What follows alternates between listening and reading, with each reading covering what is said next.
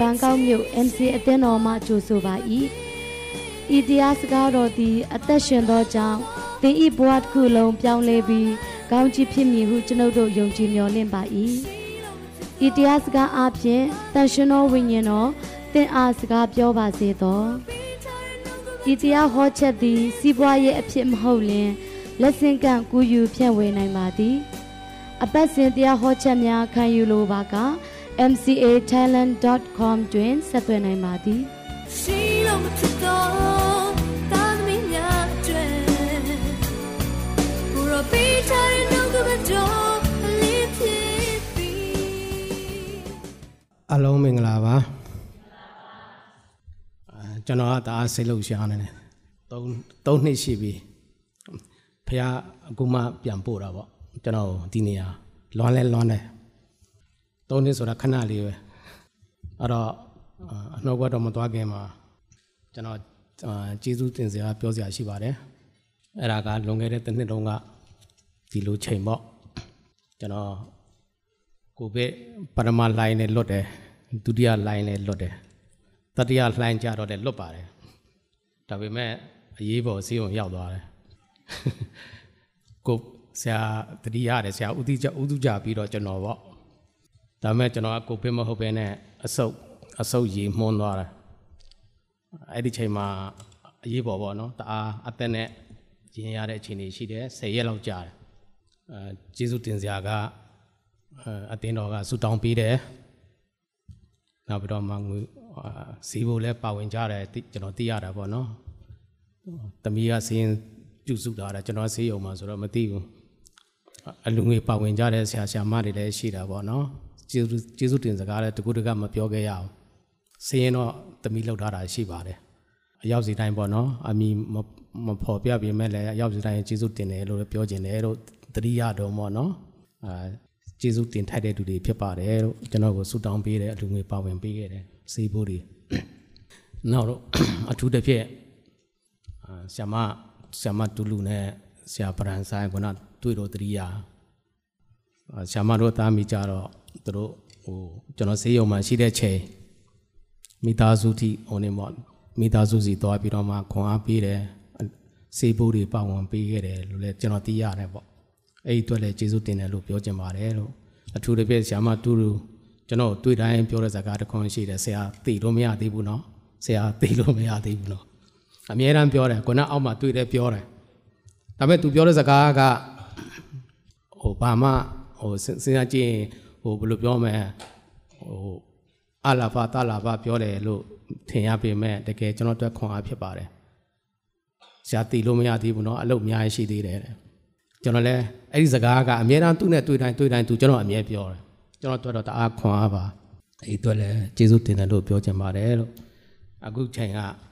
ဖခင်ကလွန်ခဲ့တဲ့တစ်နှစ်အချိန်นี้အခုချိန်นี้နဲ့ပြန်ကြည့်ရင်ဖခင်ကအခွင့်ရှိလို့ဖခင်ကျေးဇူးပြုလို့ ဒီနေ့ကျွန်တော်ဒီနေ့ဒီနေရာမှာပြန်လည်ပြီးတော့မှရရတဲ့အခွင့်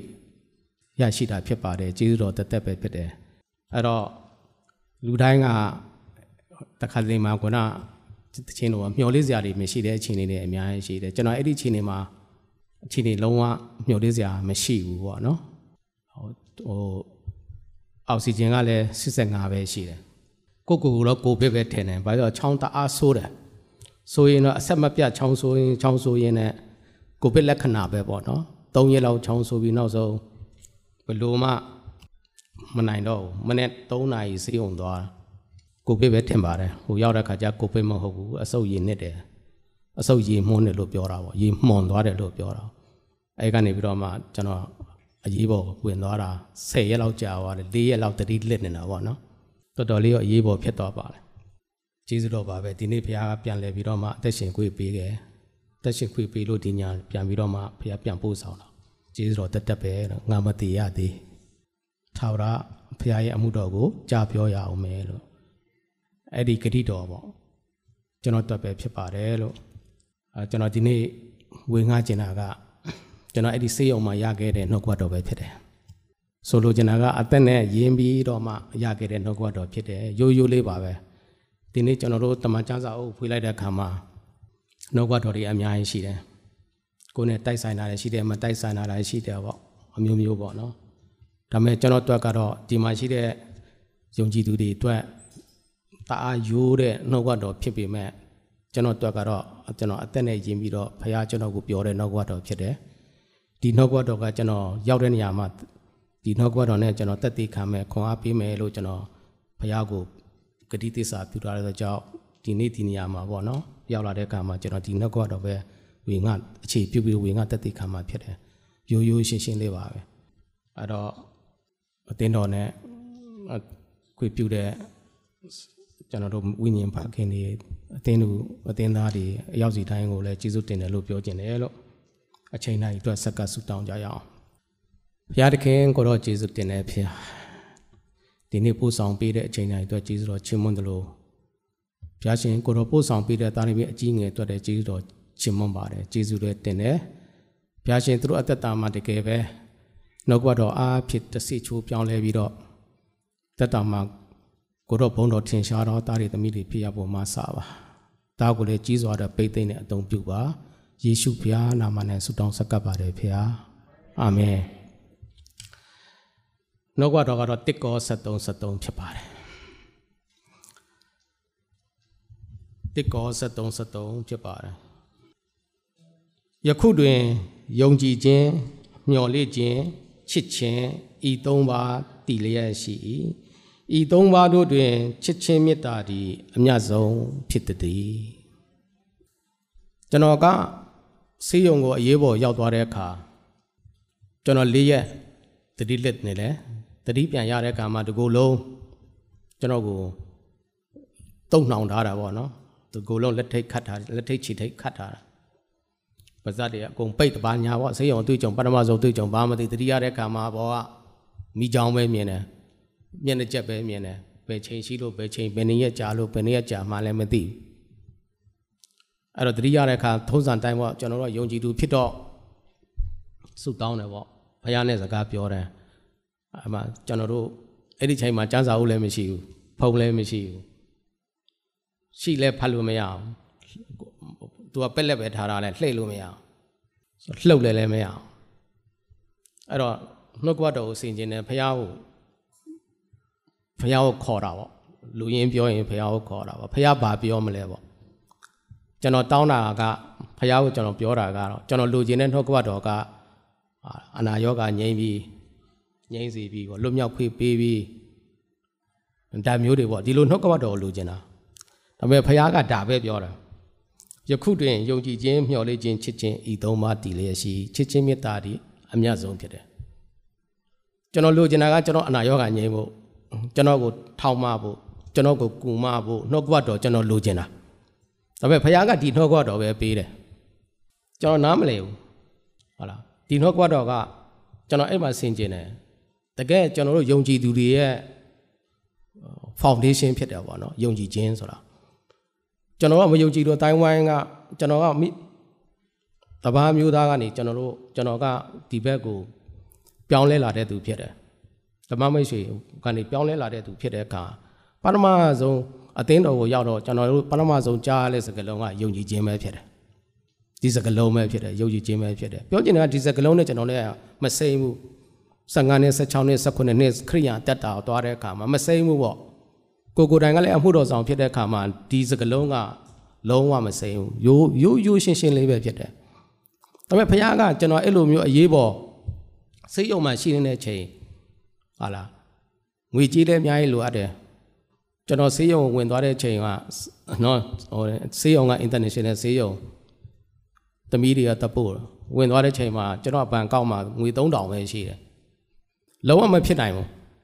အဲ့ဒီဆေးရုံကကျွန်တော်ပြန်ထွက်လာရင်လုံးဝကျွန်တော်ဘယ်နှစ်ရက်ကြာမှလည်းမသိဘူးဒီငွေ3000နဲ့လုံးဝမဖြစ်နိုင်ဘူးဆိုတော့ကျွန်တော်သိတယ်ကျွန်တော်အဲ့ငွေ3000နဲ့ပဲကျွန်တော်ကကျွန်တော်ဘန်ကတ်မပေးပြီးကျွန်တော်ဝင်သွားတာဆိုတော့ဖခင်ကကျွန်တော်ပြန်လဲတတိယလက်အခါမှာဒီနှုတ်ကတော်ပဲပေးတယ်အဲ့တော့ကျွန်တော်နားမလဲဘူးဒါပေမဲ့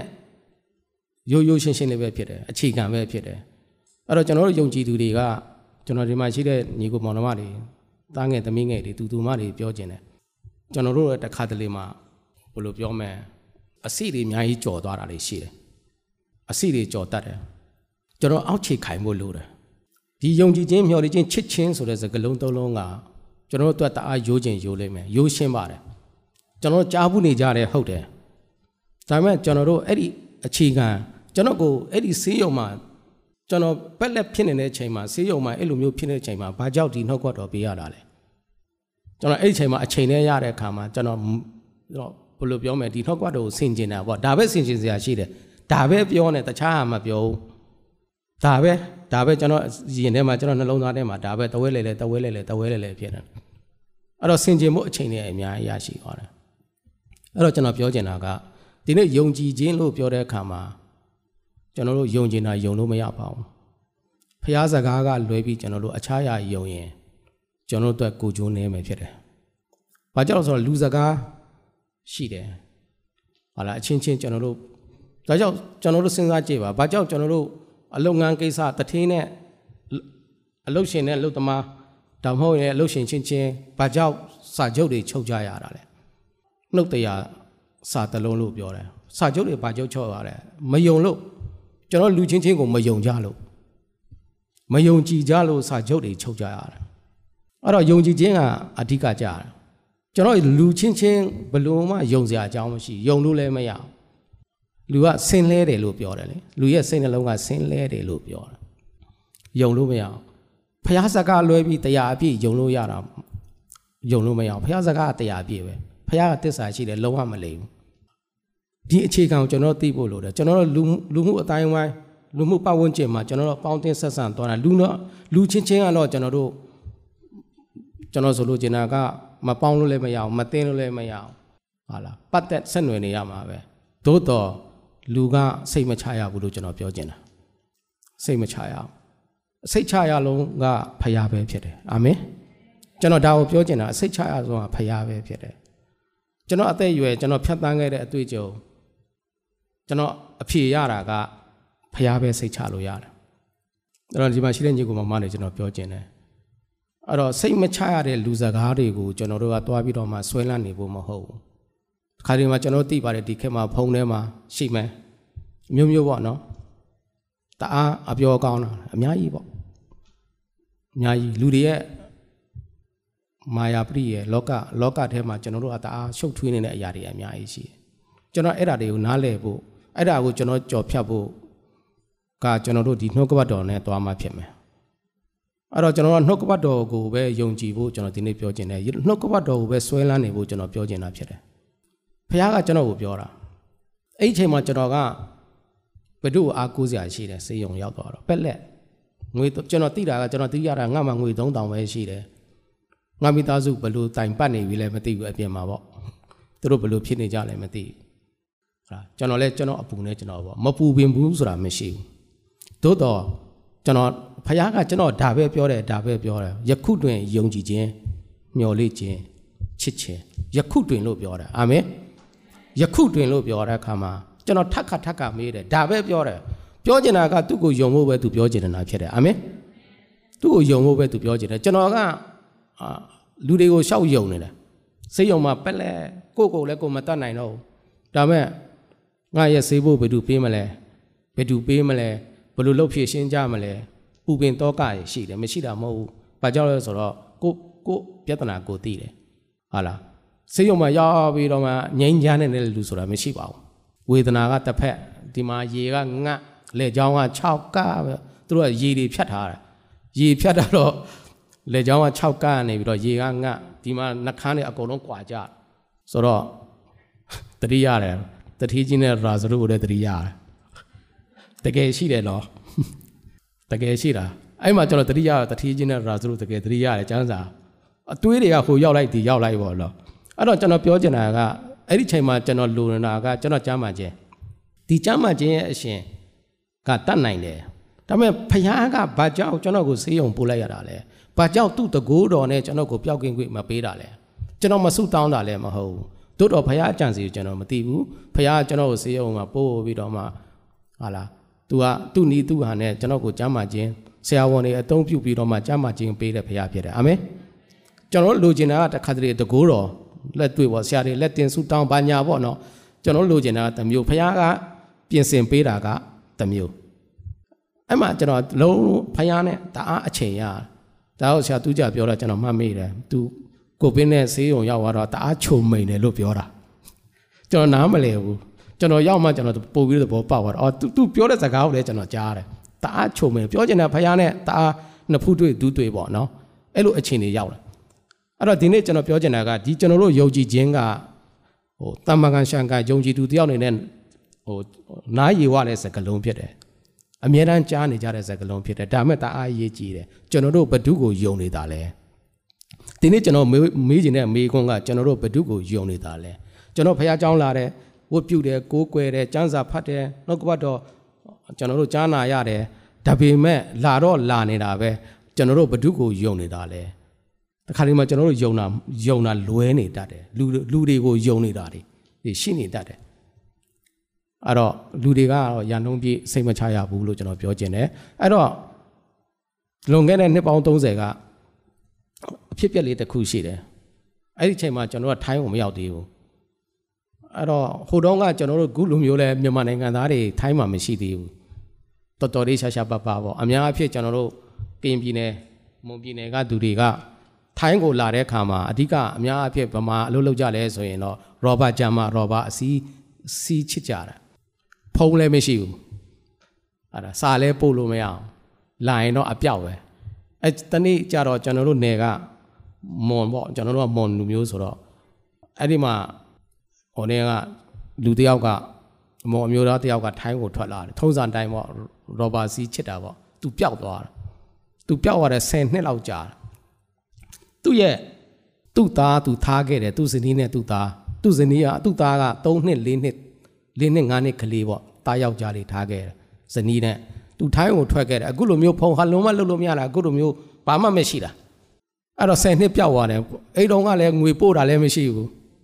စာရေးတာလည်းမရှိဘူးဖုံးပြောတာလည်းမရှိဘူးတောထဲမှာလည်းနေတော့ဆက်သွယ်ပြတ်သွားတယ်10နှစ်ပြည့်တော့ပြန်သွားတယ်ဟိုတော့ကထုံးစံဆိုရင်ကျွန်တော်ငွေမပို့တော့ငွေတွေစုဆောင်းရတယ်ဘာလို့လဲဆိုတော့ရွှေသူရွှေစားတွေဝယ်ထားပြီးစုတာအဲ့ဒါနဲ့ပြန်သွားတာ10နှစ်ပြည့်လောက်ပြန်သွားတော့ပြန်တော့ညပိုင်းရောက်ညပိုင်းရောက်တော့ကျွန်တော်မွန်မွန်အိမ်တွေကခြေတန်းရှိအိမ်ဖြစ်တဲ့တကားမရှိဘူးတကားမအကြီးမရှိဘူးကျွန်တော်တို့မွန်အိမ်တွေက အိမ်ပေါ်သူတက်သွားတယ်သူ့အိမ်ပဲသူတက်သွားတာပေါ့တက်သွားတော့ညအိတ်ချိန်လည်းဖြစ်တယ်နောက်ကြိုတင်တဲ့သတင်းပို့လို့ရတဲ့အချိန်တွေလည်းမဟုတ်သူရောက်သွားတာဟိုရောက်တော့အဲ့ရထဲမှာချင်းအောင်ထဲမှာသူဖွေးကြည့်တယ်အလုံးအိတ်ပျော်နေပြီ10တိုင်လောက်ရောက်သွားအဲသူ့မိန်းမနဲ့ကောင်လေးတယောက်နဲ့တကရင်နဲ့အဲ့တာသူတွေ့တယ်တွေ့တော့ဒေါရတာအထွက်ဒေါရတာအထွက်ပြီးတော့မိဖို့ကြောင်မိဖို့ကြောင်သူ့အိမ်သူသိတယ်လေဘယ်နေရာဗာထားတာသူသိတော့ မိဖို့ကြောင်သွားသွားပြီးတော့မှဓားယူပြီးတော့မှပိုင်းလိုက်တာနှစ်ယောက်လုံးပိုင်းလိုက်တာတကယ်တော့သူ့သားနဲ့သူ့ဇနီးသူ့သားရေးဖြစ်နေအတူအိမ်နဲ့သူ့ဇနီးနဲ့စဉ်းစားကြည့်မျက်စိနဲ့မြင်တော့မှယုံလို့မရအောင်ကျွန်တော်ပြောချင်တာကမျက်စိနဲ့မြင်တော့မှအမှန်မဟုတ်ဘူးလို့ပြောချင်တာအဲ့တော့ကျွန်တော်တို့နားနဲ့ကြားတဲ့အရာကဘယ်လိုလို့အမှန်ဖြစ်နိုင်မှာလဲဒီနေ့ကျွန်တော်တို့နားနဲ့ကြားတဲ့အရာတွေရှိတယ်မျက်စိအမြင် မျက်စိနဲ့မြင်တဲ့အမြင်တွေရှိတယ်မျက်စိနဲ့မြင်တဲ့အမြင်တော်မှမှားတယ်ဆိုတော့လောကကြီးကကျွန်တော်ပြောချင်တာတအားပြည့်ရများတယ်မာယာများတယ်အဲ့တော့ကျွန်တော်တို့မျက်စိနဲ့မြင်တယ်ကျွန်တော်နားနဲ့ကြားတယ်ဆိုတဲ့ဟာတွေကိုတော့မှကျွန်တော်တို့ယုံလို့မရဘူးဆိုရင်ကျွန်တော်တို့ဘယ်လိုလုပ်လို့လောကကြီးမှာအသက်ရှင်တဲ့ခါမှာစိတ်ချရမှာလဲအဓိကတော့အာမခံချက်ပေးနိုင်တာကဘုရားစကားပဲဖြစ်တယ်အာမင်ကျွန်တော်ဒီနေ့ပြောချင်တာကဘုရားစကားပဲအာမခံချက်ပေးနိုင်တယ်ဘုရားစကားကိုကျွန်တော်တို့ကြားဖို့လိုတယ် ကြားပြီးယုံဖို့လည်းလိုတယ်ယုံပြီးတော့လိုက်လျှောက်ဖို့လည်းလိုတယ်ဒီသုံးချက်ပဲတချို့ကကြားတယ်တချို့ကမကြားဘူးတချို့ကကြားပြီးမယုံဘူးတချို့ကယုံတယ်တချို့ကယုံပြီးလိုက်လျှောက်တယ်တချို့ကလိုက်မလျှောက်ဘူးအဲ့ဒီပုံမှာပဲဖယားနဲ့တွာလာတဲ့တယောက်နဲ့တယောက်မတူတော့ဘူးဒီပုံမှာပဲကွာသွားတယ်တချို့ဆိုရင်အခုချိန်ထိဖယားစကားမကြားသေးဘူးနှစ်ပေါင်း20ရှိနေပြီဖယားเจ้าလာတယ်ဖယားเจ้าဖယားစကားမကြားသေးဘူး ဒီလိုအခြေအနေတွေရှိတယ်ဝမ်းနည်းစရာကောင်းတယ်အဲ့တော့ကျွန်တော်ပြောချင်တာဖယားကကျွန်တော်တို့ကိုမကြားစေတာလားကျွန်တော်တို့ကပဲတခြားအတန်နဲ့ရှုပ်နေတာလားဖယားအတန်ကတိုးလို့လားကျွန်တော်တို့ပဲတခြားအတန်နဲ့ရှုပ်ထွေးနေသလားကိုယ့်ကိုယ်ပြန်ပြီးတော့မှစဉ်းစားဖို့လိုတယ်ကျွန်တော်ဒီနေ့ဗာပြောချင်တယ်ဆိုကျွန်တော်တို့အသက်သမျှအရေးကြီးတဲ့အရာကဖယားစကားပဲဖြစ်တယ်အာမင်အဲ့ဒီဖယားစကားကိုကျွန်တော်တို့ကကြားဖို့လိုတယ်ကြားတတ်ဖို့လိုတယ်ကြားဖို့လဲကျွန်တော်တို့က နှုတ်ကပတ်တော်တွေကိုအမြဲတမ်းလေ့လာဖတ်ရှုရင်ကြားကိုကြားသွားမှာဖះနဲ့ကျွန်တော်တို့မိတ္တာရမိတ္တာရရှိရင်ဖះစကားကြားကိုကြားသွားမယ်အဲ့တော့ဒီနေ့ကျွန်တော်ကပြောတော့ပဲယုံကြည်ခြင်းရဲ့အခြေခံကကျွန်တော်တို့အားလုံးကျွန်တော်တို့ယုံကြည်သူရဲ့အခြေခံကယုံကြည်ခြင်းပဲဖြစ်တယ်အဲ့တော့ယုံကြည်ခြင်းလို့ပြောတဲ့အခါမှာကျွန်တော်တို့ဘဒုကိုအပြန်ဟန်အကြောင်းမပြောဘဲနဲ့နေလို့မရအောင်အပြန်ကသူ့ကိုဖះက ကဘာဦးဘယ်လောက်မှလဲကဘာဦးစနစ်ကဘာဦးစနစ်ကနေပြီးတော့မှစနစ်တက်ပေါ့နော်အဲ့ကနေပြီးတော့မှကဘာဦးစနစ်ကနေဖခင်ကသူ့ကိုဆွဲထုတ်ခဲ့သူဖခင်အတန်ကြားတယ်တကယ်တော့ तू ကမယုံကြည်သူအပြန်ဟာမယုံကြည်သူ तू အဖခင်အတန်ကြားတယ်သူ့ကိုအဲ့ကနေဆွဲထုတ်ခဲ့ရှင်မျိုးပေါက်ဖော်ကနေထွက်တယ်ငါပြက်လာတာတော့ပြီလို့သွားတယ်သူဖျားတန်ကြားတယ်မယုံကြည်သူပဲသူ ဒီနေ့ကျွန်တော်တို့လည်းဒီလိုပဲကျွန်တော်တို့ကမယုံကြည်သူတွေဖြစ်တယ်ဟုတ်လားဖះတန်ကြားတာကြားလို့ကျွန်တော်တို့ထွက်လာတာဖြစ်တယ်နော်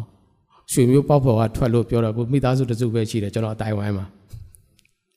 နော်အဲ့ကနေထွက်တာအဲ့တော့ကျွန်တော်တို့တွေကဖះတန်ကြားပြီးတော့မှယုံကြည်ခြင်းနဲ့ထွက်လာတာဖြစ်တယ်အပြန်ကလည်းဖះတန်ကြားပြီးတော့မှယုံကြည်ခြင်းနဲ့ထွက်လာတာဖြစ်တယ်ဖះပြတဲ့ပြည်ကိုသူသွားတယ် လမ်းမှာတောက်လျှောက်ကျွန်တော်သိတဲ့အတိုင်းမှာ तू ကဗာလဲရောက်တဲ့နေရာမှာရစ်ပရင်တဲတယ်ခုပြုကိုးကွယ်တာပေါ့ဗျာဖះနဲ့မိသားရဖွဲတယ်ကျွန်တော်ခရိယန်ရဲ့ထုံးစံပဲရောက်တဲ့နေရာမှာဖះကြောင်းသွားတယ်ဖះကြောင်းသွားတယ်ဝိပြုကိုးကွယ်တယ်ကျွန်တော်ယုံကြည်သူတွေရဲ့သဘောတဘာဝပဲဒါပေမဲ့တွိုင်းရင်တွိုင်းရင်တွိုင်းရင်နဲ့ဖះပို့တဲ့ခန္ဓာပြည်ကိုတော့ရောက်သွားတယ်ဒါဂရိတော်နဲ့ဆက်ဆိုင်တဲ့ဂရိတော်ဖះပေးတဲ့ပြည်ပဲအဲ့ဒီပြည်ကိုတော့ရောက်သွားတယ်ရောက်သွားပြီးတော့ ဟိုရောက်တော့ဘာဖြစ်လဲအစာရေးစားခေါင်းပါပြောချင်တာကစီပွားရေးမကောင်းဖះပို့တယ်ဟုတ်တယ်သွားတယ်ရောက်တယ်ဒါပေမဲ့ဘာဖြစ်လဲအစင်မပြေဘူးအစင်မပြေတဲ့အခါမှာ तू ကဘာဖြစ်တယ်30ရောက်တဲ့အခါမှာအကုတ်တုပြီကိုလှည့်သွားတာအဲ့မှာတစ်ချက်လေးကျွန်တော်ဖတ်ပြခြင်းတယ်ကဘာဦးစနစ်30ထို့နောက်ခန္ဓာပြင်၌အစာခေါင်းမခြင်းဖြစ်၏ အလွန်အစာခေါင်းပါတော့ကြောင့်အပြန်ဒီအကုတုပြည်၌တဲကိုခြင်းကသွားလေအဲ့တော့ဒီအကုဒီခန္ဓာပြည်ကဖရာသူ့သူ့ကိုဂတိတော်နဲ့ပေးတဲ့ပြည်ဖြစ်တယ်သူရောက်သွားတယ်ရောက်ပြီဒါပေမဲ့အစာခေါင်းပါတဲ့အခါမှာသူဖရာကိုမမေးတော့ဘူးသူ့သဘောနဲ့သူဆုံးဖြတ်ပြီးတော့မှသူကအကုတုပြည်ကိုသွားလိုက်တာဘာကြောင့်လဲဆိုတော့အဲ့ဒီအစာရေးစကားအဲ့ဒီ ဒီခက်စကားနဲ့ပြောရင်တော့လုပ်ငန်းကံကံအဆင်မပြေဘူးပေါ့အဆင်မပြေလို့ထွက်သွားတာပေါ့အလုံးသိတဲ့အတိုင်းပဲနောက်ပိုင်းဘာတွေဖြစ်တာလဲဟာလားသူလိုချင်တဲ့အစားအသောက်သူလိုချင်တဲ့ဥစ္စာပြည့်စုံတော့ရသွားတယ်တိုးတော့သူဘာထားရခဲ့တယ်ကြုံမဘာထားရခဲ့တယ်ကြုံမအဆက်ပါခဲ့အဲ့ဒီကြုံမကြောင့်ဒီနေ့ကဘာကြီးရဲ့ကဘာတမိုင်းကဒီနေ့ကျွန်တော်တို့မငြိမ်းမချမ်းပဲနဲ့ စစ်စစ်တွေဖြစ်နေတာဒီနေ့အာရကဘာနဲ့အစ္စရေးနဲ့ဖြစ်နေတဲ့အခြေအနေဟာလားဒီနေ့စီရေးစီယာဒီနေ့ကျွန်တော်တို့ကြားနေရတဲ့စီရေးစီယာကဒီတမိုင်းပဲဖြစ်တယ်အပြန်ဟန်ကအီဂျစ်ပြည်ကိုတွားလိုက်တော့ကြောက်ဖြစ်တယ်အစာယာခေါင်းမလို့တွားလိုက်တော့ကြောက်ဖြစ်တယ်အဲ့တော့ဒီလေဒီနေ့ဒီနေ့ကျွန်တော်ကြုံတွေ့ရတဲ့ပြဿနာနိုင်ငံရေးဒီနေ့ပဏိပက္ခကမ္ဘာနိုင်ငံရေးပဏိပက္ခကဒီဒီတဲ့ဇင်းမြစ်ပဲဖြစ်တယ်အဲ့တော့ ကျွန်တော်ဗာပြောချင်တယ်ဆိုတော့ဖယားကသူ့ကိုဟာဂရိတော်နဲ့ခေါ်ထုတ်ပြီးတော့မှဟာလားကောင်းကြီးပေးမယ်ဘာညာဆိုတဲ့ဂရိတော်နဲ့ခေါ်ထုတ်ပြီးခန္ဓာပြည်ကိုပို့ဆောင်လို့ခန္ဓာပြည်ကိုရောက်ပြီးဒါပေမဲ့ तू ကစာဝတ်နေရေးမပြေလေတဲ့အခါမှာ तू ကသူ့သဘောနဲ့ तू तू သွားခြင်းတဲ့နေရာအစင်ပြေမယ်ထင်တဲ့အကုတ်တုပြည်ကို तू သွားတယ်အစင်ပြေမယ်ထင်တဲ့အကုတ်တုပြည်ကျွန်တော်ပြောတဲ့စကားဒါပေမဲ့ဟိုရောက်တဲ့အခါမှာ ပထမဆုံးသူပူပန်ရတာကသူတေမာလောင်ကြောက်တယ်ငြိမ်သက်ခြင်းတွေပျောက်တယ်တေမာကြောက်နောက်ဆုံးဘာဖြစ်လဲဆိုတော့သူမရတော့မှဟလာဘယင်ကဟောတယ်တော်ကောက်တယ်ကောက်ပြီးသွားတာဒီခေတ်စကားပြောရင်ဘယင်ကမသွားတာပေါ့အဲ့တော့ပြောချင်တာကသမင်းငတ်မှကြောက်တာမရကသူများမသွားရောတစ်ဖက်ကအဆင်ပြေပေမဲ့တစ်ဖက်မှာကျွန်တော်တို့မမြင်နိုင်တဲ့ပြဿနာတွေရှိတယ်။ ဘာကြောင့်ဖျားမပို့တဲ့နေရာဖြစ်တယ်။အဲကျွန်တော်ယုံကြည်သူတွေကဒီနေ့ကျွန်တော်တို့ဆင်ကျင်ရမှာကဟာလားဖះအတန်ကိုအပြန်ကဖះအတန်ကိုမကြားတာမဟုတ်ဘူးဖះအတန်ကိုလည်းကြားတယ်ယုံလဲယုံတယ်သွားတယ်သွားတယ်တို့တော့ဘာဖြစ်တယ်ဟာလားယုံကြည်ခြင်းတွေကဘာဖြစ်တယ်အစာအစာခေါင်းမတဲ့ခါမှာယုံကြည်ခြင်းတွေမျော်လင့်ခြင်းတွေပြန်ပြီးတော့ပျောက်ကွယ်သွားတဲ့ခါမှာဘယ်ပြန်ပြောင်းရတယ်ဆိုရင် ဟာလား तू ကောင်းမယ်ထင်တဲ့နေရာဟာလားနှုတ်ကပတ်တော်ကပြောတယ်မိမိညာကိုအမိမပြုတ်နဲ့လို့ပြောတာဟုတ်လား तू သူ့ညာကိုအမိပြုတ်ပြီးကောင်းမယ်ထင်တဲ့နေရာကို तू ကသွားလိုက်တဲ့အခါအကုတ်တုပြူကိုသွားလိုက်တဲ့အခါမှာကောင်းပါတယ်တစ်ဖက်ကကောင်းပေမဲ့ तू လိုချင်တဲ့အစာရေးစာရပေမဲ့တစ်ဖက်ကဘာဖြစ်လဲ तू မယားကို तू များမသွားတဲ့အခြေအနေဖြစ်သွားတယ်စဉ်းစားကြည့်ဟမ်ယောက်ျားတစ်ယောက်အနေနဲ့ဘယ်လောက်ထိခံစားရမလဲဘယ်လိုအိတ်မယ်အဲ့ဒီညတော်တော်လေးကိုတိုင်ပတ်သွားတယ်မငြိမ်မသက်နဲ့ ကျေးဇူးတော်ကြောင့်မယားပြန်ရတာဖခင်ကသူ့ကိုမဆရတယ်သို့တော့သင်္ကန်းစာကတော့ကြုံမပါရခဲ့တဲ့အခါမှာဒီနေ့ကျွန်တော်တို့ကပ္ပအခင်းချင်းကိုကြည့်တဲ့အခါမှာဒီပြဿနာပဲသင်္ကန်းစာတွေကျွန်တော်ယူစရာတွေအများကြီးရှိတယ်။ဘာကြောင့်အဗျာဟန်အဲ့လိုဖြစ်တာလဲ။ तू ကယုံကြည်ခြင်းမရှိလို့လား။ရှိပါတယ်။ကျွန်တော်တို့ယုံကြည်သူတွေကလည်းဟာလာယုံကြည်သူဆိုတဲ့အမည်နာမယုံကြည်ခြင်းရှိတော်သူပဲ။ယုံကြည်ခြင်းရှိပါတယ်။သို့တော်လည်း ဟာလာကျွန်တော်တို့ဒုက္ခနဲ့ကြုံတဲ့အခါနော်အလုတ်ကင်ခက်ခဲနဲ့ကြုံတဲ့အခါမှာကျွန်တော်တို့ရိမ့်ညိုင်သွားတယ်တချို့ဆိုဘုရားကျောင်းပျောက်သွားရောဘုရားကျောင်းပျောက်သွားတာအလုတ်ကြောင့်ဟိုရွှေ့လိုက်ဒီရွှေ့လိုက်ဒီရွှေ့လိုက်ဟိုရွှေ့လိုက်နဲ့ဟာလားအဲ့အဲ့ဒီအဲ့ဒီစောင်းဝင်ရေးပြဿနာနဲ့ပဲတိုင်ပန်းနေပြီးတော့ဘုရားကျောင်းနဲ့ဝေသွားတာတွေအများကြီးရှိတယ်အပြန်ပြဿနာနဲ့ဒီတိုင်းပဲပြောချင်တာရေယုံကြည်ခြင်းရိမ့်ညိုင်သွားတာပြောလိကြီးတွေ ဆုံရှုံသွားပါရမတော့စင်ဖမ်းမဲ့ကြားဖမ်းမှာပဲကျွန်တော်ယုံကြည်သူတွေဖြစ်တတ်တယ်စင်ဖမ်းမဲ့ကြားဖမ်းမှာပဲနောက်ပိုင်းတဖြည်းတဖြည်းဖြည်းရိမ့်ညိုင်သွားပြီးတော့မှလန့်ချော်သွားတာတွေအများကြီးရှိတယ်အပြန်ဟန်လဲချော်သွားတယ်ချော်သွားတယ်ဘာကြောင့်လဲဆိုရင်ကျွန်တော်တို့ဒါတွေကစိတ်တက်ကြစရာတော့မဟုတ်ဘူးဒါတော့ဘယ်လိုဘယ်လိုပြောမလဲကျွန်တော်တို့ယုံကြည်သူခရိယာတက်တာရှောက်လန်းတဲ့အခါမှာလမ်းမှာကြုံတွေ့ရတဲ့အခက်ခဲကဟာလားကျွန်တော်ဘဝတစ်ခုမှာကြုံတွေ့ရတဲ့အခက်ခဲကကျွန်တော်တို့အတွက် သင်ခန်းစာယူစရာတွေအများရှိတယ်ဖခင်ကကျွန်တော်တို့တဖြည်းဖြည်းဖြည်းအဲ့ဒီအတွေ့အကြုံနဲ့တွင်တင်ပေးနေတာဖြစ်တယ်အဲ့တော့အပြန်က22ခုနက7 22ရောက်သွားတဲ့အခါမှာဒီလိုမဟုတ်တော့ဘူး22တစ်ကနေဖတ်သွားရင်ဒီလိုမဟုတ်တော့ဘူးအချင်းတွေတစ်မျိုးပြောင်းသွားတယ်ခုနက30 12ခုနက12 30အခုက22တိကိုရောက်သွားတဲ့အခါမှာဒီလိုမဟုတ်တော့ဖခင်ကအပြန်ဟန်ရဲ့သူ့ရဲ့တူးသီးတော်သားကိုတောင်းပြီ အဲ့ချိန်မှာအပြန်ဟန်ယုံကြည်ခြင်းကရှယ်ဖြစ်နေပြီသားကိုတောင်းတယ်ပေးတဲ့အခြေအနေရောက်နေပြီဘာမှဖះကိုစောရကမတက်ဘူးဒါပေမဲ့ကျွန်တော်စဉ်းစားတယ်အဖေတယောက်အနေနဲ့ကျွန်တော်စဉ်းစားတယ် तू तू တီတော်သား तू ကဘာခေါ်မလဲဆိုဂရိတော်နဲ့ဆက်ဆိုင်တဲ့သားနမိတ်လက္ခဏာနဲ့ရထားတဲ့သားဖြစ်တယ်တအားတူတီတော်သားအဲ့ဒီအချိန်မှာဖះကပြန်တောင်းတဲ့အခါမှာရစ်ပူဇော်ဖို့ပြန်တောင်းတဲ့အခါမှာ तू က သားကိုပေးဖို့ဖြစ်လာတဲ့အခါမှာရစ်ပူဇော်ဖို့သွားတဲ့အခါမှာ၃ရက်ခရီးရှောက်ရတယ်သားနဲ့အတူကျွန်နှစ်ယောက်နဲ့ထင်းနေနဲ့မီးနေနဲ့ထားပါတော့သွားတာခရီး၃ရက်ကြာကျွန်တော်အဲ့ဒီမှာဗာစဉ်းစားမိလဲဆိုတော့တော်တော်လေးကိုသူဖယားနဲ့လပန်းလုံးလိုက်ရင်ပဲတွားရင်တွားရင်တွားရင်တွားရင်ပေါ့ကျန်းစာမှာတော့မရေးတာဘူးသူနားမလဲတယ်တလန်းလုံးတွားရင်တွားရင်ဖယား သွားခိုင်းတဲ့နေရာမှာသွားရင်ရစ်ပူဇော်ဖို့သွားရင်မောရိတောင်ကိုသွားရင်သွားရင်သွားရင်အဲ့ဒီတောင်ကိုသွားအဲ့ဒီအရက်ကိုသွားရင်သွားရင်နဲ့၃ရက်ဆိုတာဖះကိုသူစကားမပြောဘဲတော့မနေဘူးမပြောဘဲမနေဘူးဘာကြောက်လဲဆိုတော့ကျွန်တော်ပြောပြမယ်ကျွန်တော်ကဆေးရုံမှာအဲ့လိုမျိုး၁၀ရက်လောက်ကြာတဲ့ကရှိ6ရက်လောက်ကနင်းကပဲစကားပြောနေလားကိုပြဿနာနဲ့ကိုကိုစကားပြောနေရသူလည်းမပြောဘဲမနေဘူးသူ့သားကိုသူပေးရမယ်လေသူ့သားကိုရစ်ပူဇော်ရမယ်လေ तू တွက်ကရွေးချယ်စရာလမ်းမရှိဘူး။ဖခင်ကတောင်းတဲ့အခါမှာ तू ကပေးရတော့မယ်။အဲ့တော့ရွေးချယ်စရာလမ်းမရှိတော့ဘူး။ तू ကပြောရမှာပဲ။ပြောမှာပဲတလားလုံး तू ပြောမှာပဲရေးတော့မရေးတော့ဘူးအသေးစိတ်။ဒါပေမဲ့ဖျားစီကသူဘာအဖြေမှမရအောင်ဖျားသူစကားမပြောဘူးထင်တယ်ဘာမှမှတ်တမ်းမတင်တော့ဘူး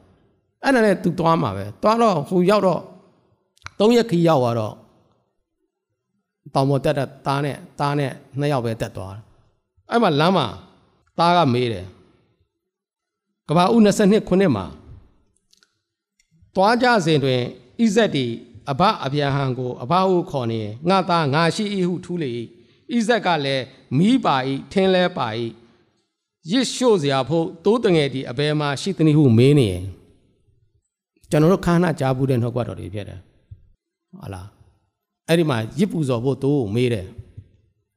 မေးတဲ့အခါမှာသူပြောတဲ့စကားလေး 28ရှိရောက်တဲ့အခါ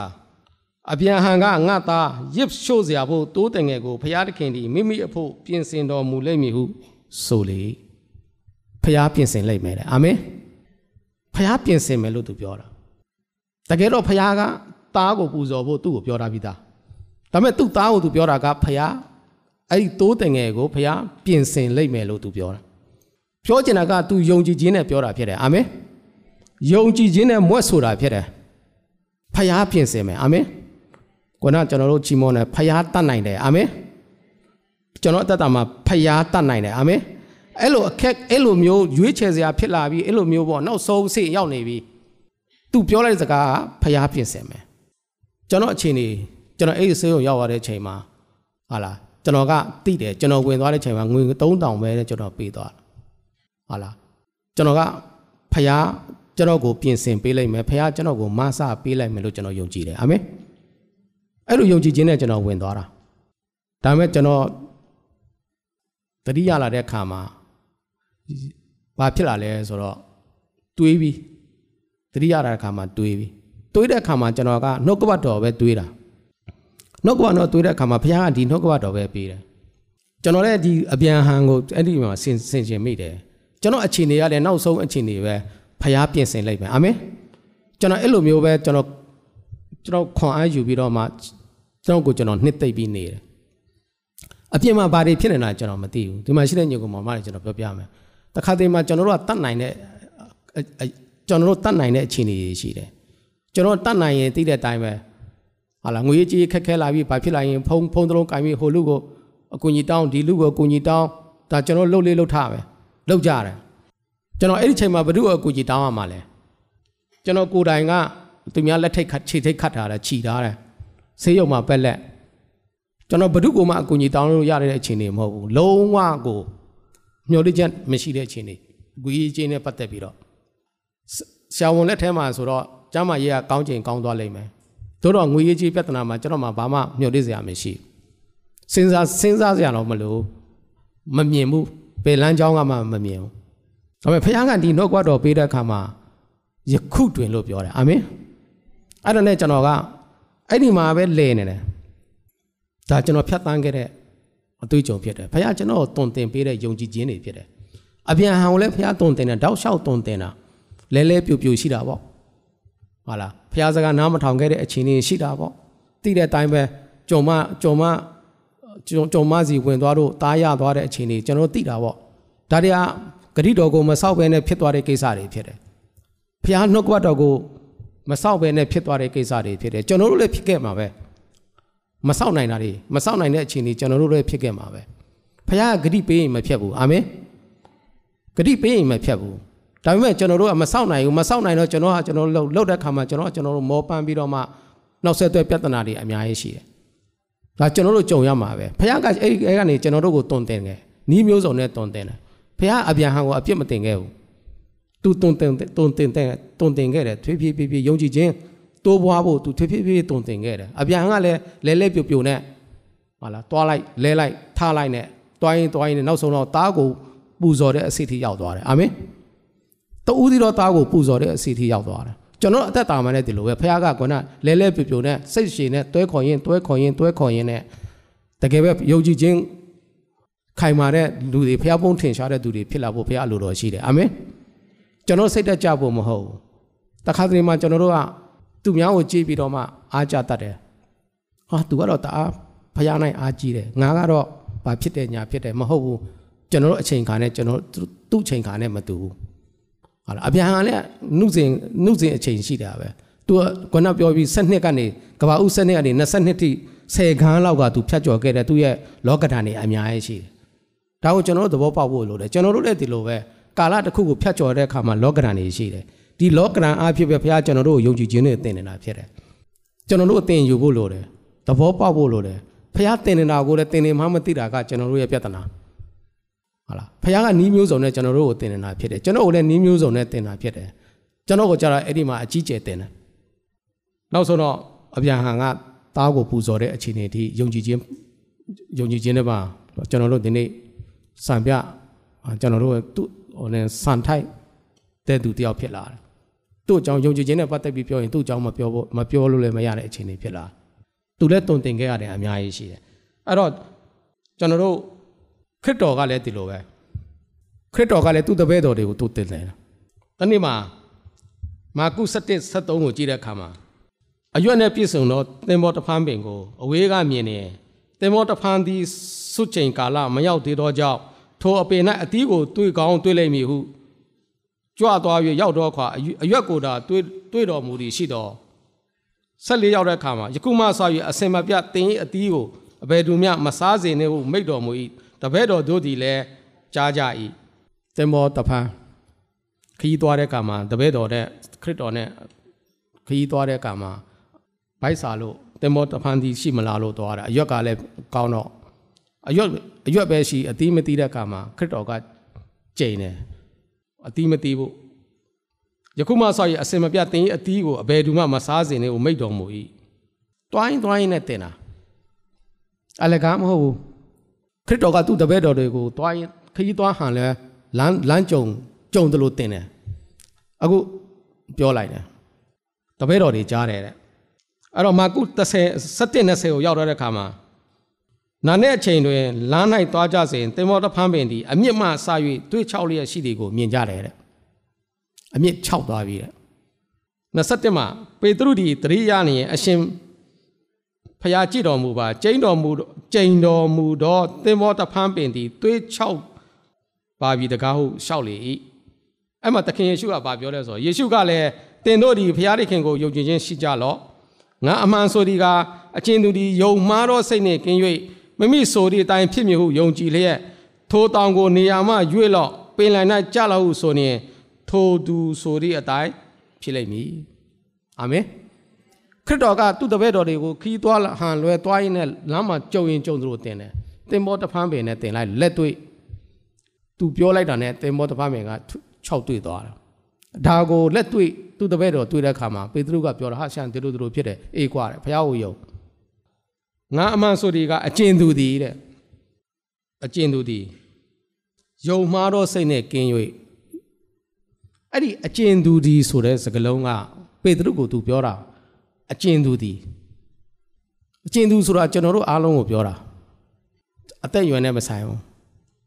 အမှုတော်ဆောင်ဖြစ်လို့အင်္ဂလိပ်ဆရာဖြစ်လို့ ယုံကြည်သူတာမန်ယုံကြည်သူဖြစ်လို့တင်းတောက်တွေဖြစ်လို့မဆိုင်ဘူးအကျဉ်သူဆိုတော့ယောက်ျားမိန်းမဟုတ်လားအသက်အရွယ်နဲ့မဆိုင်ဘူးအရောက်စီတိုင်းကိုပြောတာဖြစ်တယ်အာမင်ကျွန်တော်တို့အရောက်စီတိုင်းကယုံမှားသောစိတ်နဲ့ကင်းရွေးတယ်လှုပ်ဝက်ချက်ကအဲ့ဒါပဲယုံမှားသောစိတ်ပြောချင်တာယုံကြည်ခြင်းနဲ့လွယ်တာမဟုတ်ဘူးဘာပြောတယ်ထိုတောင်ကိုနေရာမှာရွေ့လော့ပင်လယ်၌ကြလော့ ဒီတောင်ကိုနေရာရွေ့ပြီးပင်လယ်နဲ့ကြားတယ်မင်းပြောရင်ပြောတဲ့အတိုင်းဖြစ်မယ်တဲ့ပင်လယ်နဲ့ကြားသွားမယ်အဲ့တော့လှုပ်ဝက်ချက်ကယုံမှားသောစိတ်အာမင်ယုံမှားသောစိတ်ပဲအဲ့တော့ကျွန်တော်တို့ယုံကြည်ခြင်းကအဲ့ဒီပုံမှာပဲစကားပြောတာတောင်ဆိုတဲ့အရာကကျွန်တော်တို့ရှေ့မှာရှိတဲ့အခက်ခဲတွေဖြစ်တယ်အာမင်ကျွန်တော်တို့ရှေ့မှာတအား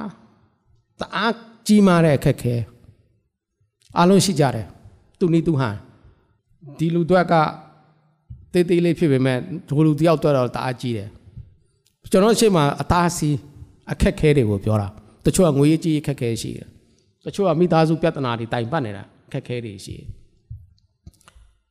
တချို့အလောက်ကင်ပြဿနာတွေအများကြီးပေါ့ပြောချင်တာကလုံးဝဖယ်လို့မရအောင်တောင်းဆိုတာဖယ်လို့မရအောင်တဘာဝတရားနဲ့ကျင့်တောင်းကိုရွှေ့လို့မရအောင်ဖယ်လို့မရအောင်ကျွန်တော်အရှိမရှိတဲ့ပြဿနာတွေကျွန်တော်တို့ဖယ်လို့မရအောင်ရွှေ့လို့မရအောင် ဘယ်လိုကြော်လဲမရအောင်တအားခက်ခဲတယ်ဒါကျွန်တော်ကြုံခဲ့တဲ့ပြဿနာပါဘယ်လိုမှကြော်လို့မရဒီမှာယုံမာတော့စိတ်နဲ့တဲ့ရွေ့မယ်ဆိုရွေ့မယ်အဓိကကတော့ဒီမှာပြောချင်တာကယုံကြည်ခြင်းပဲဖြစ်တယ်ကျွန်တော်ယုံကြည်ခြင်းပေါ်မှာပဲဖခင်လှုပ်လှုပ်တယ်အာမင်ကျွန်တော်ယုံတဲ့အပေါ်မှာပဲဖခင်လှုပ်တယ်ဖခင်တတ်နိုင်တယ်လို့ယုံသလားဖခင်တတ်နိုင်တယ်အာမင်ကျွန်တော်ဆိုလိုလာတာပါဖခင်တတ်နိုင်တယ်လို့ယုံတယ်ဆိုရင်ဖခင်တတ်နိုင်တယ် ကျွန်တော်3000နဲ့ပဲကျွန်တော်ဆေးရုံဝင်သွားတာ10ရက်ကြာတယ်ထွက်လာတဲ့အခါမှာဆေးရုံကထွက်လာတဲ့အခါမှာပြန်လို့ရပြီတဲ့အေးကိုဗစ်ကာလဖြစ်တော့မိသားစုတွေလည်းမတွေ့ရအောင်ဘာမှလည်းအဆက်အသွယ်မရှိဘူးထွက်လာတာကတမီးကမိသားစုစောင့်နေတယ်အပြင်မှာလည်းကျွန်တော်ဆရာမကိုမေးတယ်ဆေးဖို့တော့ရှင်းပြီးပြီတဲ့ခေါင်းကုတ်ပြီးထွက်လာဘယ်လိုဘယ်လိုဖြစ်ကုန်လဲပေါ့နော်ဘယ်လိုဖြစ်ကုန်လဲပေါ့ခေါင်းကုတ်ပြီးထွက်လာအပြင်ရောက်တော့အဖေတဲ့အ ဖေဆယ်ရက်ကြာသွားတယ်တဲ့ဆေးဖို့ကတလောက်တလောက်ရှိတယ်ရှင်းပြီးသွားပြီတဲ့အာဘယ်သူပေးလဲဖះပေးတာပေါ့အာမင်အကျွေးလုံးဝမတက်ဘူးအာမင်လုံးဝအကျွေးမရှိဘူးလုံလောက်စွာဘုရားပြင်ဆင်ပေးတာအာမင်ခုနအဗျာဟံကသူ့သားကိုပြောတယ်လို့ပဲဘုရားပြင်ဆင်လိမ့်မယ်အာမင်အဓိကအဲ့ဒါပဲဘုရားပြင်ဆင်လိမ့်မယ်ကျွန်တော်တို့ယုံသလားဟာလားဘုရားပြင်ဆင်မယ်လို့လဲကျွန်တော်တို့မျှော်လင့်သလား ကိုတော်တတ်နိုင်တယ်ဆိုတာယုံသလားခုနကျွန်တော်တို့ချီးမွမ်းတယ်တတ်နိုင်တယ်ကိုတော်တတ်နိုင်တယ်အာမင်ကျွန်တော်ချီးမွမ်းတယ်ကိုတော်တတ်နိုင်တယ်အဲ့ဒီကိုတော်တတ်နိုင်တယ်ဆိုတဲ့စကားလုံးကကျွန်တော်တို့အထဲထဲမှာအသက်ဖြစ်ဖို့ရည်ကြီးတယ်အာမင်တကယ်တတ်နိုင်တယ်ဆိုတာကိုကျွန်တော်တို့ခုနပြောပြီးဗာလဲယုံမှားတော့စိတ်ကင်းလို့လို့တယ်အာမင်လုံးဝယုံဖို့လိုတယ်အာမင်ကျွန်တော်ဆိုလိုချင်တာဒီနေ့လုံးဝယုံဖို့လိုတယ် သင်ယုံတဲ့အပေါ်မှာပဲဖခင်လှုပ်လှုပ်တာဖြစ်တယ်အာမင်သင်ယုံတဲ့အပေါ်မှာပဲသင်ဘလောက်ဖခင်မျှော်လင့်နေတာလဲသင်ဘလောက်ဘလောက်ဖခင်ကိုယုံကြည်နေတာလဲအဲ့ဒီပုံမှာပဲဖခင်ကျွန်တော်အသက်တာကိုအလှုပ်လှုပ်သွားတာဖြစ်တယ်ကျွန်တော်ဒီနှုတ်ကပတ်တော်လေးခဏကြားတယ်မထူးဆန်းဘူးဒါပေမဲ့ကျွန်တော်တွက်ကထူးဆန်းတယ်ကျွန်တော်ကြော်ဖြတ်ခဲ့ရလို့ဖြစ်တယ်ကျွန်တော်လုံးဝသမီးအဲ့လိုပြောတော့ဟာလေလုယာဆိုပြီးထွက်လာတာကျွန်တော်ဟာလေလုယာပဲထွက်လာတယ်အဲ့ရောက်တော့ तू ကကျွန်တော်2ရက်3ရက်နေပြီးတော့မှကျွန်တော်စရင်ပြတာ तू ကဘလို့ဘလို့ဘလို့လို့ရောက်လာလဲကျွန်တော်လည်းမသိဘူးကျွန်တော်ဝင်သွားတာပဲသိတယ်ဆေးရုံဝင်သွားတာပဲသိတယ်မိသားစုတော့အပြစ်မှာဘလို့ဘလို့ရှုပ်ထွေးပြီးတော့ဘလို့ဘလို့ပြဿနာဘလို့ပြည်လဲသွားတာလည်းမသိဘူးဘယ်ကနေဘက်ကရောက်လာတာလည်းမသိဘူးနောက်မှကျွန်တော်အဲ့မှာသူတော့အယောက်40ပါဝင်လာတာတွေ့တယ်အာမင်အာဩစရာကောင်းတယ်အဲ့ဒီခေအဲ့ဒီခါအဲ့ဒီအခြေအနေကိုဗစ်ကာလဖြစ်တယ်ဒီလိုအခြေအနေမဟုတ်ဘူးအဲ့တော့ကျွန်တော်ပြောချင်တာကလုံးဝကျွန်တော်တို့အားငယ်စရာမလိုဘူးအာမင်ကျွန်တော်တို့ရဲ့ နောက်ဆုံးအခြေအနေခုနအပြန်ဟန်လိုပဲနောက်ဆုံးသူ့သားကိုတောက်တောက်ရဲ့ရင်ဝါကိုဟာလားဓာဆိုင်ရမယ်နောက်ဆုံးအခြေအနေအထိဘုရားကကျွန်တော်တို့ကိုဗာဖြစ်လဲစောက်ကြည့်ပြီးတော့ပြင်ဆင်ပေးတဲ့ဘုရားဖြစ်တယ်အာမင်ကျွန်တော်တို့ဘယ်လောက်ထိယုံကြည်တယ်လဲကျွန်တော်တို့ဘုရားကိုဘယ်လောက်ထိမျှော်လင့်တယ်လဲအဲ့ဒီပုံမှာပဲဘုရားလှုပ်လို့တယ်ဒါကိုကျွန်တော်ပြောချင်တာအဲ့တော့တစ်ခါတလေမှာကျွန်တော်တို့လည်းဖြတ်တန်းလဲကြတဲ့ခါမှာဘွားပေါ့နော်ကျွန်တော်တို့ဖြတ်တန်းလာတဲ့ခါမှာရှိတတ်ပါတယ်ဘယ်လိုရှိတတ်လဲဆိုတော့ ကျွန်တော်တို့ဒီလောကဓာတ်ကိုဖြတ်တန်းလာတဲ့ခါမှာကျွန်တော်တို့ယုံကြည်သူတွေကအခက်ခဲတွေတွေ့တဲ့အခါလမ်းခုလက်မှာချော်သွားတတ်တယ်ယုံကြည်ခြင်းတွေရိမ့်ရိုင်သွားတတ်တယ်ဒါကိုလည်းကျွန်တော်တို့ကကိုကိုကိုအားမငယ်ဖို့ပြန်လဲကိုယ့်အသက်တာကိုပြန်လဲတည်ဆောက်ပြီးတော့မှဖျားနဲ့အာယူဖို့လိုတယ်နှုတ်ကပတ်တော်နဲ့ဆက်ပြီးတော့တွားဖို့လိုတယ်အဲ့တော့ကျွန်တော်နှုတ်ကပတ်တော်တစ်ချက်ပြောပါမယ်လို့အဲ့ဒါက ဆေးရုံမှာကျွန်တော်ရှိတဲ့အချိန်မှာတိရော၄၄စက္ကွန်ကိုကြည့်ကြရအောင်တိရော၄စက္ကွန်တိရော၄စက္ကွန်ထိုတို့ငါတို့သည်ချစ်ချင်းမေတ္တာနှင့်ပြည့်စုံသောအဖြစ်တရားဆုံးဖြတ်တော်မူသောနေ့၌ရဲရရသောအခွင့်ရှိကြလိမ့်မည်အကြောင်းမူကားငါတို့သည်ကိုတော်ဤဤသူဤလောက၌ဖြစ်ကြ၏ဒီနေ့ကျွန်တော်ပြောကျွန်တော်အခြေခံအခြေပြုထားတဲ့ကြံချက်ကချစ်ချင်းမေတ္တာကအမျက်ဆုံး အဲ့တော့ချစ်ချင်းမေတ္တာအကြောင်းမပြောခင်မှာယုံကြည်ခြင်းကိုကျွန်တော်တို့အခြေပြုပြီးပြောတာဖြစ်တယ်အဲ့တော့တရားဆုံးဖြတ်တဲ့နေ့မှာကျွန်တော်ရဲရဲရတဲ့အခွေတဲ့ကျွန်တော်အဲ့ဒီအတွေ့အကြုံလေးကိုပြောပြခြင်းတယ်ကျွန်တော်အဲ့မှာမျောနေတဲ့ချိန်ဖြစ်နေတဲ့ချိန်မှာပြောချင်တာကကျွန်တော်အသက်ဟိုတေရွာပြန်လို့ပြောရမှာပေါ့အဲ့ဒီချိန်မှာကျွန်တော်ကမယုံကြည်သူကနေပြောင်းလဲလာတဲ့သူဖြစ်တော့ကြောင့်တေရေးရှင်ရေးအခြေအနေမှာကျွန်တော်ကဟိုဘက်အတိုင်းဝိုင်းလာတဲ့အခါမှာဟိုဘက်အကြောင်းလဲသိတယ် ဒီဘက်အကြောင်းလဲသိတယ်သိတဲ့အခါမှာအဲ့ဒီအချိန်မှာကျွန်တော်ဒီမှာရှိတဲ့ညီကိုမောင်မတွေကျွန်တော်ပြောပြခြင်းတယ်လုံးဝဒီနေ့ကျွန်တော်တို့ခရစ်တော်နဲ့တွားရတာတွားရတဲ့အခွေကခရစ်တော်နဲ့အတူသက်ရှင်ရတဲ့အခွေကတကယ်လို့လုံးဝကျွန်တော်နောင်တရစရာအကြောင်းမရှိကျွန်တော်ကျွန်တော်ကိုတွေးဖြစ်တယ်အဲ့ဒီအချိန်မှာကျွန်တော်လောဟိုရင်ဘယ်လိုပြောမလဲအသက်လူနေတဲ့အချိန်မှာကျွန်တော်နားလည်သွားတာတခုက ကျွန်တော်အချိန်မရွေးတည်လို့ရတယ်အာမင်တည်လို့ရတယ်ကိုယ့်ကိုစိတ်ချမှုရှိတယ်လို့ပြောချင်တာကဲတင်ချင်းစိတ်ချမှုလည်းလုံးဝရှိတယ်မိသားစုကိုလည်းကျွန်တော်မပူပင်ဘူးကျွန်တော်သားသမီးကိုလည်းကျွန်တော်မပူပြင်းဘူးကျွန်တော်တည်လဲတည်လို့ရတယ်တည်ခြင်းခုနတည်ခြင်းတရားကကျွန်တော်တို့စိုးရင်စရာအကြောင်းဘာမှမရှိတွေးတော့ပူပင်စရာအကြောင်းဘာမှမရှိကျွန်တော်ဖြစ်နေတဲ့၄ရက်ကာလကိုပြောတာကျွန်တော်မျောနေတာကျွန်တော်သိတယ် တတိယလိုက်တတိမရလိုက်တတိရလိုက်တတိမရလိုက်အဲ့တော့ဘုရားကကျွန်တော်ပြောတဲ့စကားတစ်ခုရှိတယ်အဲ့ဒီမှာကျွန်တော်ဘုရားကိုမေးတယ်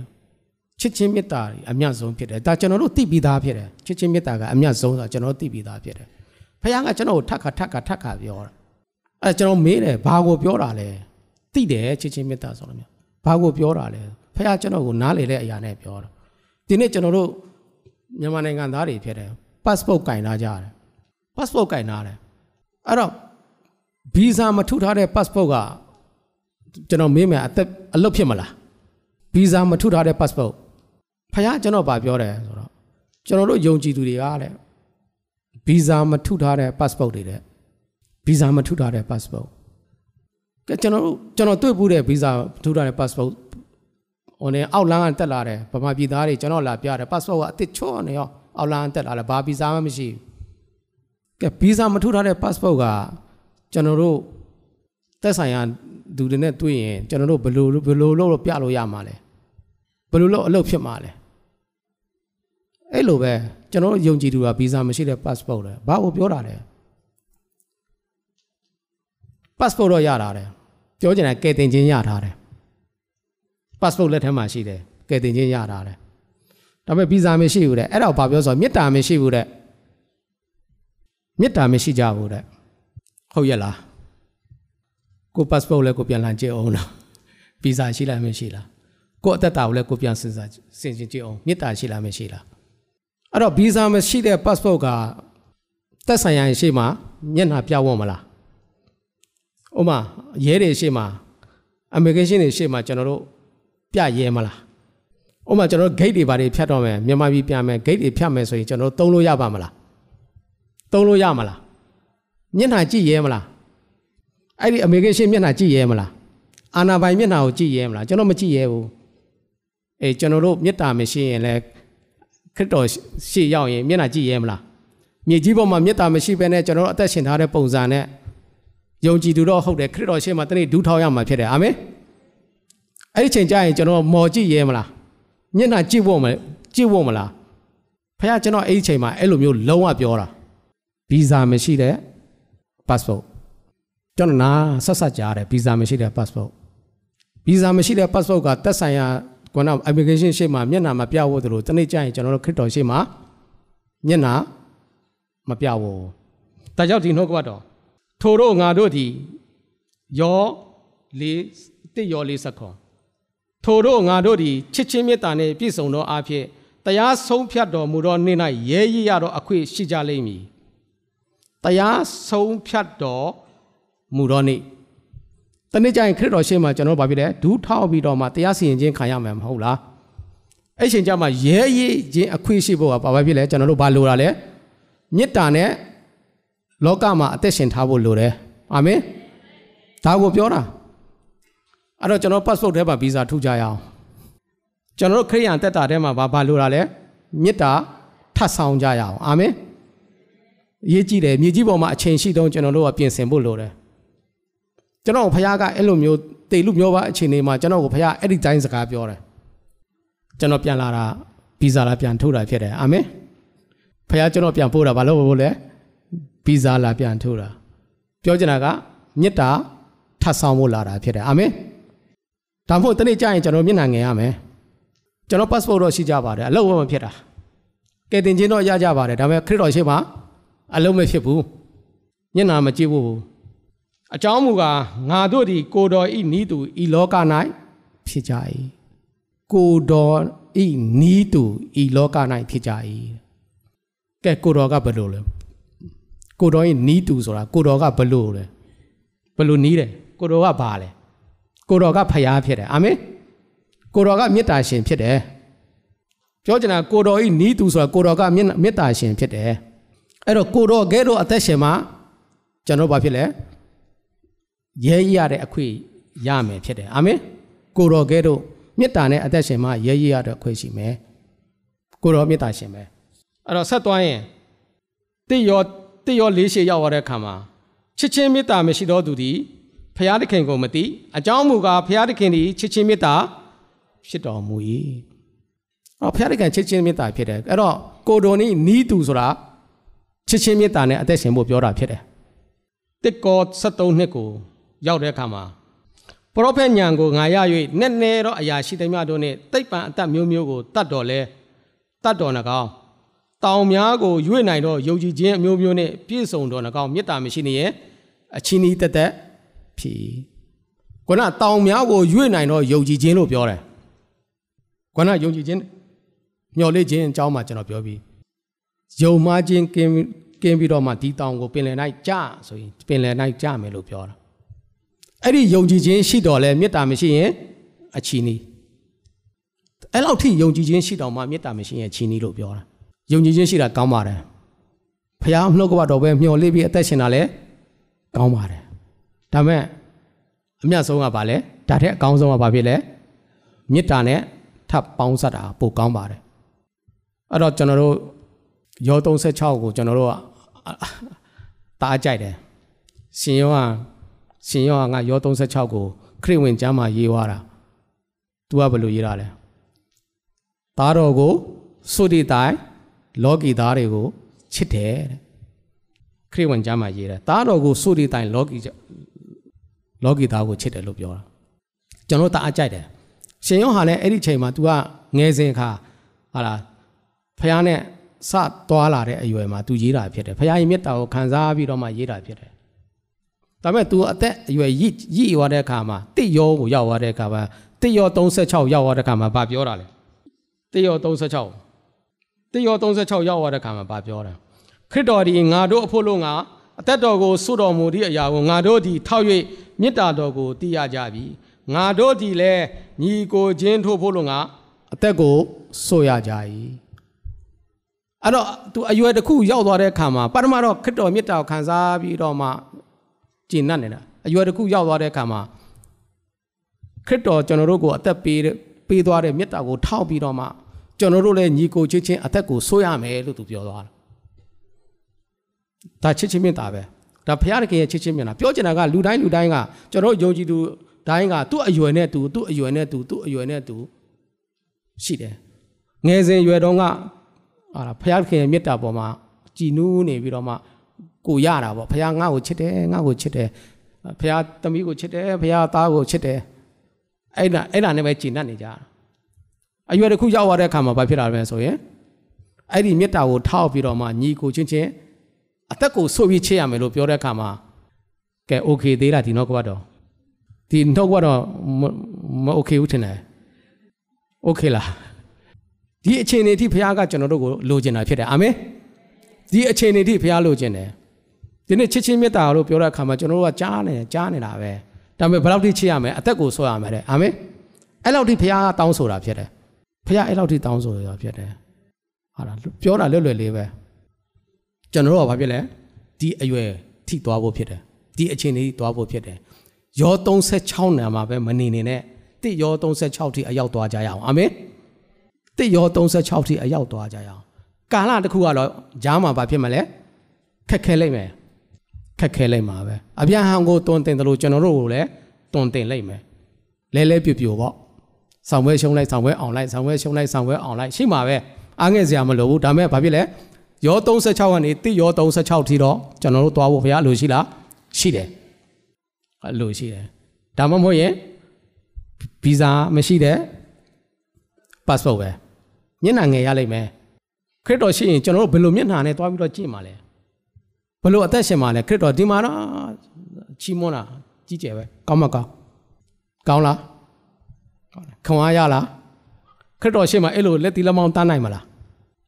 ခရစ်တော်ရှိမှခရစ်တော်ရှိမှခရစ်တော်မျက်နှာကိုရဲရဲကြည့်ရဲမလား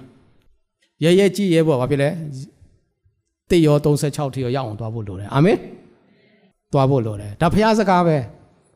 ကိုရော36ပဲလိုချင်လို့မရဘူးတေရော36လည်းယူရမယ်အာမင်နော်တေရော36လည်းယူရမယ်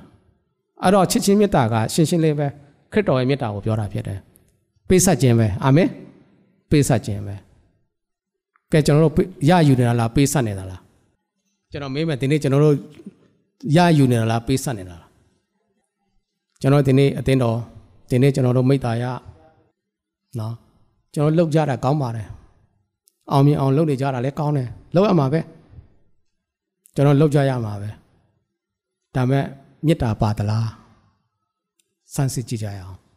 ပေးဆက်နေသလားစမ်းစစ်ကြည့်ရအောင်အရေးကြီးဆုံးပဲတကယ်လို့လွဲနေဆိုရင်ပြင်ဖို့လိုတယ်အာမင်အချိန်ရှိတယ်အာမင်အချိန်ရှိရမှာကျွန်တော်လှုပ်ရမှာပဲလူတိုင်ဝဲမှန်ကျွန်တော်နေတယ်ကျွန်တော်လှုပ်ကြရမှာပဲကျွန်တော်စားဖို့နေရေးပြည့်လဲဖို့လှုပ်ကြရမှာပဲကျွန်တော်အောင်မြင်အောင်မြင်တဲ့ အခြေအနေရောက်ရှိဖို့ကျွန်တော်လှုပ်ကြရမှာပဲဒါမဲ့ကျွန်တော်တို့အဓိကအရေးကြီးတာတနေ့ကြရင်ဒါတွေအကုန်လုံးခြံထားရမှာဖြစ်တယ်ပါသွားမှာကမေတ္တာပဲဖြစ်တယ်အာမင်အဲ့ဒီမေတ္တာမှာပါဝိုင်းတိုင်ပတ်မှာဆေးအောင်မှာကျွန်တော်ဖျားတေချာပြောတဲ့စကားဖြစ်တယ်တိုင်ပတ်မှာအိမ်မေတ္တာပါပါဝိုင်းလုံးဝကျွန်တော်ပပပြည်သားတွေလေမော်တက်လို့မရတာအဲဗီဇာမရှိလို့နော်တောင်ကြော်နေရတာကဗီဇာမရှိလို့ အဲ့ဒီချိန်ကျရင်ကျွန်တော်တောင်လဲကြော်လို့မရဘူးနော်အောက်လမ်းလည်းမရှိဘူးနော်နော်ကြံဖန်မရှိဘူးခရစ်တော်ရှင်မှာအကုန်လုံးဒူးထောက်ရမှာမျက်နှာငုတ်ထားတဲ့လူနဲ့မျက်နှာမော့ထားတဲ့လူကကျွန်တော်မျက်နှာငုတ်ငုတ်ကျင်တာမျက်နှာမော့ကျင်သလားစဉ်းစား